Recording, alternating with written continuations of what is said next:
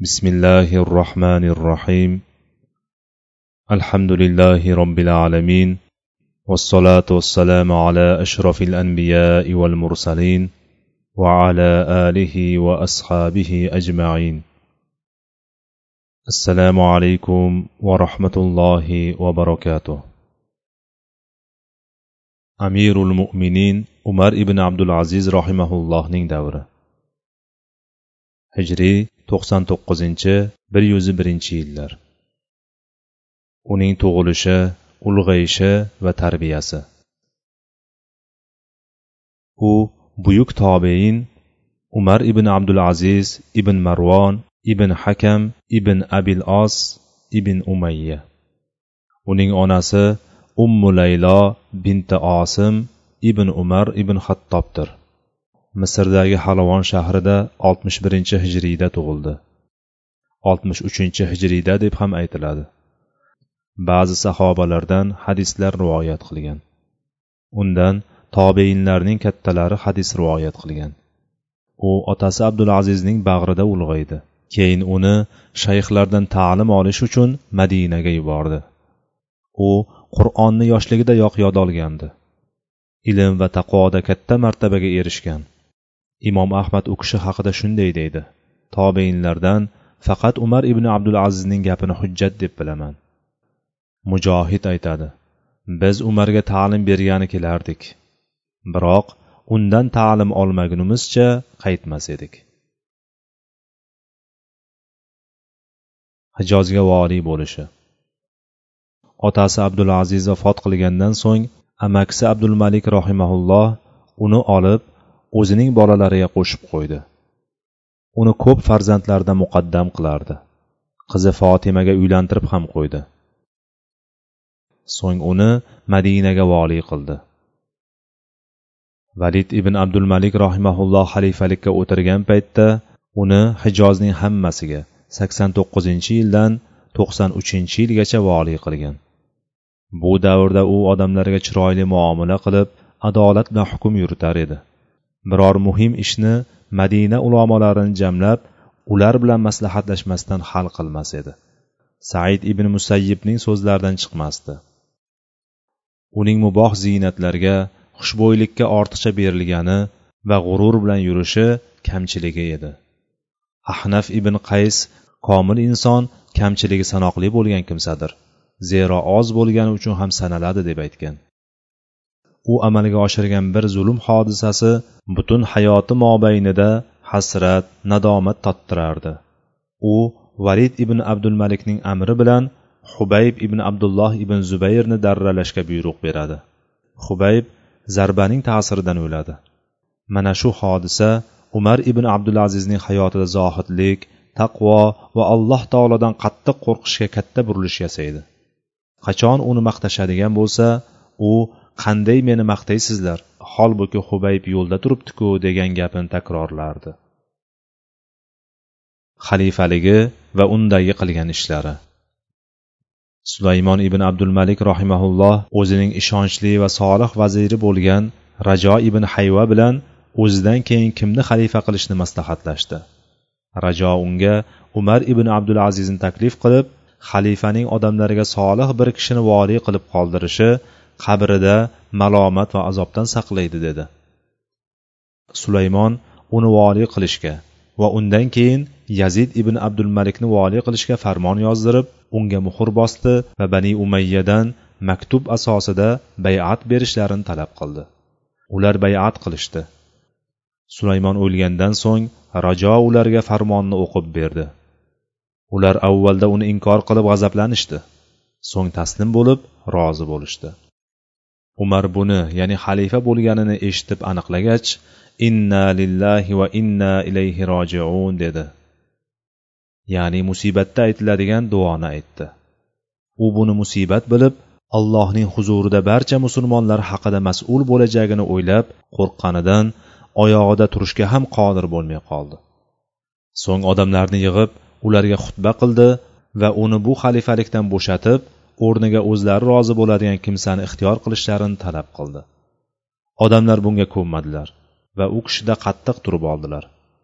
U bu vazifadan qochib qutulishning imkoniyatini topmagach alloh taolodan yordam so'rab bu mas'uliyatni zimmasiga oldi. U o'zining bu qisqa xalifaligida buyuk amallarni katta islohotlarni amalga oshirishga erishdi.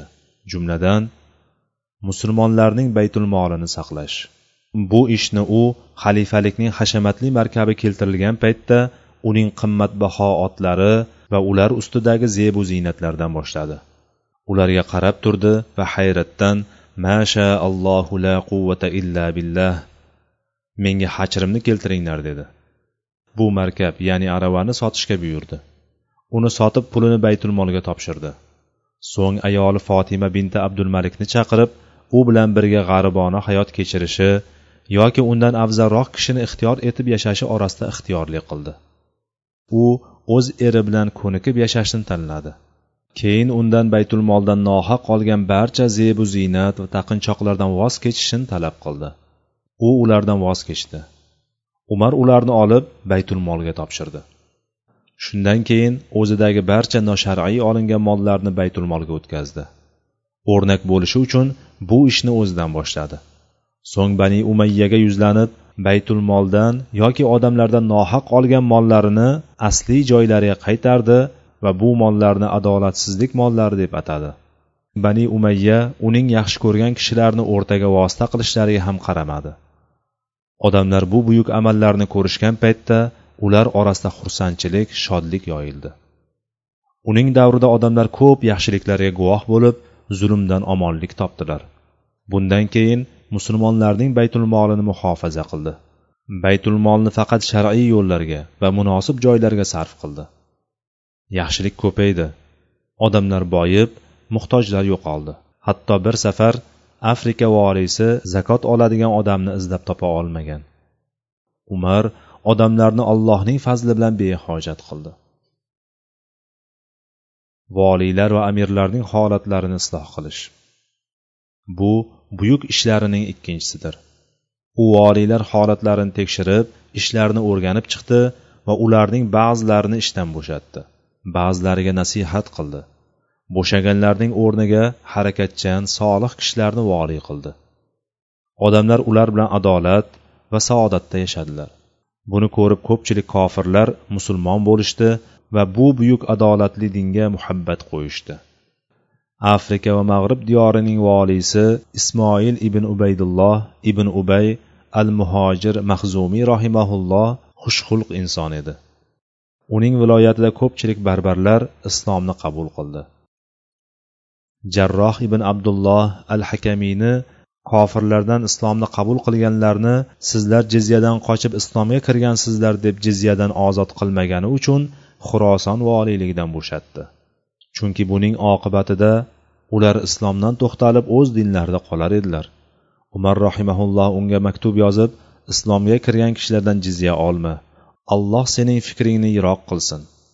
Alloh muhammad sollallohu alayhi vasallamni soliq yig'uvchi qilib emas balki hidoyat qiluvchi qilib yuborgan dedi. Uning o'rniga abdurahmon nuaym ash shuqayriyni voliy qildi. Bu islomning mehrigiyo siyosatining natijasida xuroson va boshqa o'lkalardagi ko'plab xalqlar islomga kirdi. Allohga hamdlar bo'lsin. Da'vat va tinchlikning yoyilishi va fathlar. Umarning xolis islomiy siyosatining o'zi islomga katta da'vat edi. Uning tutgan bu siyosati es hushini yo'qotib uni ulug' deb hisoblagan kofirlarga islomning haqiqati va buyukligini ko'rsatib berdi. Oqibatda ular barbar va xuroson ahlidan sodir bo'lganidek hech qanday qarshiliksiz islomga bo'ysungan holda kelishdi. Bu islomiy siyosat oqibatida tinchlik yoyildi. Qo'zg'olon va tartibsizliklar to'xtadi. Qo'zg'olonchilar sabab qilib ko'rsatadigan hech narsa qolmadi. Xalifa solih taqvodor. Baytul mol saqlangan. Voliylar solih adolatli. Uning davrida hech kimga bo'ysunmaydigan havorijlar ham ular bilan munozara o'tkazib ularni qanoatlantirgandan keyin tinchib qolishdi. Odamlar uning davrida tinchlik va xotirjamlik soyasi ostida yashadi. Fathlarga kelsak umar rahimaulloh qo'l ostidagi shaharlar holatini isloh qilib u yerlarda islomni mahkam o'rnatgungacha bir muddat to'xtab turishni xohlagan edi. Katta qo'shin bilan qustantiniyani qamal qilib turgan maslama ibn abdulmalikka qaytinglar deb odam yubordi va ularga ko'plab oziq ovqat ot va aravalar yubordi. Zero ular qamal uzoq davom etgani uchun qiyin holatga tushib qolgandi. Turklarning ozarbayjonga bo'lgan hujumini so'ndirib isyonchilarni tugatdi. Agar umar rahimaulloh fathlarni bir muddat to'xtatgan bo'lsa bu davrda u odamlarning qalblarini bu din uchun fath qildi ochdi va islomning yorqin haqiqatini ko'rsatib bergan xolis islomiy siyosati bilan baxtiyor bo'lgan hollarida bu dinga yetakladi. Uning zohidligi taqvosi va xalqini ardoqlashi. Umar rahimaulloh xalqini ardoqlovchi ularga muhabbatli va shafqatli edi. Tolibi ilmlarga yetarli maosh ajratdi. Qamoqxonalardagi holatni isloh qildi. Mahbuslarga oylik tayin qildi. Ularni kishanlashdan had va ta'zirdan boshqa holatda ozor berishdan qaytardi. Musofirlar uchun bepul dam oladigan joylarni qurdirdi. Ojiz va muhtojlarni ta'minladi. Mazlumlarning shikoyati bilan shaxsan o'zi tanishib chiqar edi. Uning ajoyibotlaridan unga samarqand ahli musulmonlar ularning shaharlariga xiyonatkorona kirishganini shikoyat qilishadi. Ular bilan musulmonlar orasida hukm qilish uchun bir qozi yuboradi. Qozi samarqand ahli foydasiga hukm qiladi. Musulmonlarga samarqandni tashlab chiqib ketishga buyruq beradi. Lekin samarqand ahli bu ajoyib odillikdan lol qolishib musulmonlarning ularni tashlab ketishlarini xohlashmadi. U boshliqlariga maktub yozdi. Mansablarga ahli qur'ondan boshqalarini tayinlamanglar. Agar ularda ezgulik bo'lmasa boshqalarda hech qachon bo'lmaydi. Musulmonlarni aziz qilib martabalarni ko'tarishni yaxshi ko'rardi. Shuning uchun voliylariga bironta kofir izzat markabini minmasin olimlar libosini kiymasin va ularga qurol bilan yurishga ruxsat berilmasin deb buyruq berdi. U o'z nafsi bilan xoli qolib nafsini hisob kitob qilardi. Kambag'al ojiz mazlum musulmonlarni eslab ular haqida olloh huzurida so'ralishdan qo'rqib yig'lar edi. Ko'p namoz o'qib ko'p ro'za tutar shu bilan birga ko'p yig'lar ham edi. Bu bilan o'zining ayoli fotimadan ham mashg'ul bo'lib qolar edi. Ayoli shunday der edi. Qaniydi biz bilan xalifalik o'rtasida mashriq va mag'ribcha uzoqlik bo'lsa edi. Allohga qasamki xalifalikka kirganimizdan beri xursandchilik ko'rmadik. Umar ibn abdul aziz rahimaullohning vafoti. U bir yuz birinchi hijriyda o'ttiz to'qqiz yoshlar chamasida taqriban ikki yarim yil hukm qilgandan keyin sil kasalligi bilan vafot etdi. Alloh mag'firat qilsin. Musulmonlar haqqidan u kishini yaxshi ajrlar bilan mukofotlasin. Hishom ibn abdul malik davri. Bir yuz beshinchi bir yuz yigirma to'qqizinchi hijriy yillar. Umar rahimaullohning vafotidan keyin xalifalikka yazid ibn abdul malik o'tirdi. Uning xalifaligi hijriy bir yuz birinchi yildan bir yuz beshinchi yilgacha to'rt yil davom etdi. Uning xalifaligi akasi sulaymon rahimaullohning ahdi bilan bo'ldi. U o'z davrida fitnalarga duch keldi. Ularning kattasi yazid ibn muhallab fitnasi edi. Ukasi maslama ibn abdulmalik vositasida uni bartaraf qildi. Ayrimlar uni o'yin kulgu ko'ngilxushlik va joriyalarni yaxshi ko'rish bilan ayblab u haqida turli qissalar to'qib chiqarishgan. Lekin ibn kasir rahimaulloh aytadiki ayrimlar unga dinida tuhmat qilishgan. Bu to'g'ri emas. O'sha uning o'g'li valid ibn yazid bo'lgan. Uning xabari endi keladi. Ammo bu har qalay tuzuk bo'lgan. Yazid ibn abdulmalik rahimaulloh bir yuz beshinchi hijriy yilda vafot etdi. Hishomning xalifa bo'lishi va uning davridagi umumiy holatlar. Yazid ibn abdulmalik vafot etgandan keyin ukasi hishom voliy bo'ldi. U o'sha paytda o'ttiz to'rt yoshda edi. U o'zining xalifalik davrida to'g'ri islomiy dastur asosida yurdi. Nafslar orom olib orzu umidlar gullab yashnadi. Odamlar uning qo'lidan ko'p yaxshiliklar ko'rdi. U olloh yo'lida jihod qilishni yaxshi ko'rar edi. Shu bois o'g'illari xususan moviya va sulaymonni ukasi maslama ibn abdulmalik amakisining o'g'li marvon ibn muhammadni rum yerlaridagi qo'shinlarga boshliq qilib tayinlagan edi. Bani umayya xalifalarining aksari shunday qilishgan. Bu ularning hasanotlari jumlasidan sanaladi. Hishom marvon ibn hakam avlodidan birontasiga to g'azot qilmagunicha tuhfasini bermas edi. Ayrimlari o'zlari g'azotga chiqishsa ba'zilari o'zining o'rniga odam yuborar edi. Hishom hukmga o'tirganidan boshlab hayotining oxirigacha turli xatar va fitnalarga duch keldi. Shunday bo'lsada u ketma ket ergashib kelayotgan fitnalar va qattiq kurashlar doirasida oyoqqa turishga qodir bo'ldi. Havorijlar iroqda isyon qildilar. Alaviylar kufada zayd ibn ali ibn husayn ibn ali boshchiligida fitna chiqarishdi. Barbarlar afrikaning shimolida qo'zg'olon ko'tarishdi. Bularning hammasi ummatning birligini parchalab orani buzadigan qabilalar aro tarafkashlik ruhi bilan to'lgan muhitda sodir bo'layotgan edi. Shunday bo'lsada hishom davlatni tadbir bilan boshqarar ekan u yer bu yerda alanga olgan fitnalarni bostirardi. Bu esa uni olloh yo'lida jihod qilishdan ham to'sib qo'ymadi. Uning davrida qaysariya armaniston va ulardan boshqa rum va turk shaharlari fath qilindi.